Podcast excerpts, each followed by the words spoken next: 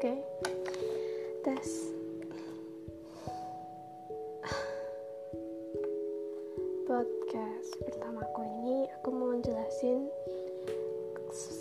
seseorang yang bernama Daisy.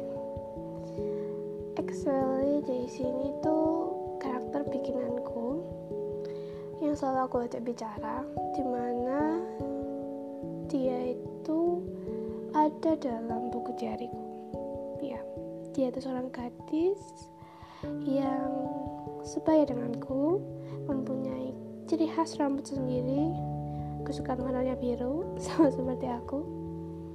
Ya jadi gini. Di sini kalau kalian tahu aku sering ngajak bicara dia. Bahkan mungkin kalau agak akhir ini aku lebih sering bicara dengan Daisy daripada seseorang yang biasanya aku curhati.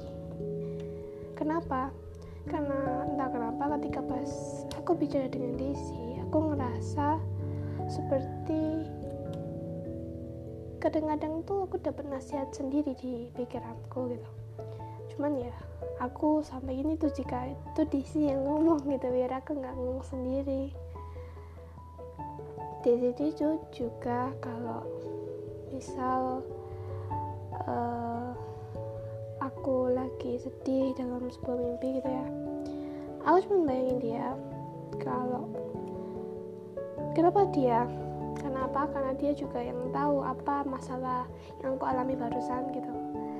Kan dia kan juga aku gitu loh jadi dia juga tahu apa yang aku lihat gitu. Ya gitulah gambaran sekilas dari Desi. Mungkin di kebanyakan podcast ini aku seperti akan bicara dengan Desi daripada bicara dengan mikrofon. Eh bicara dengan mic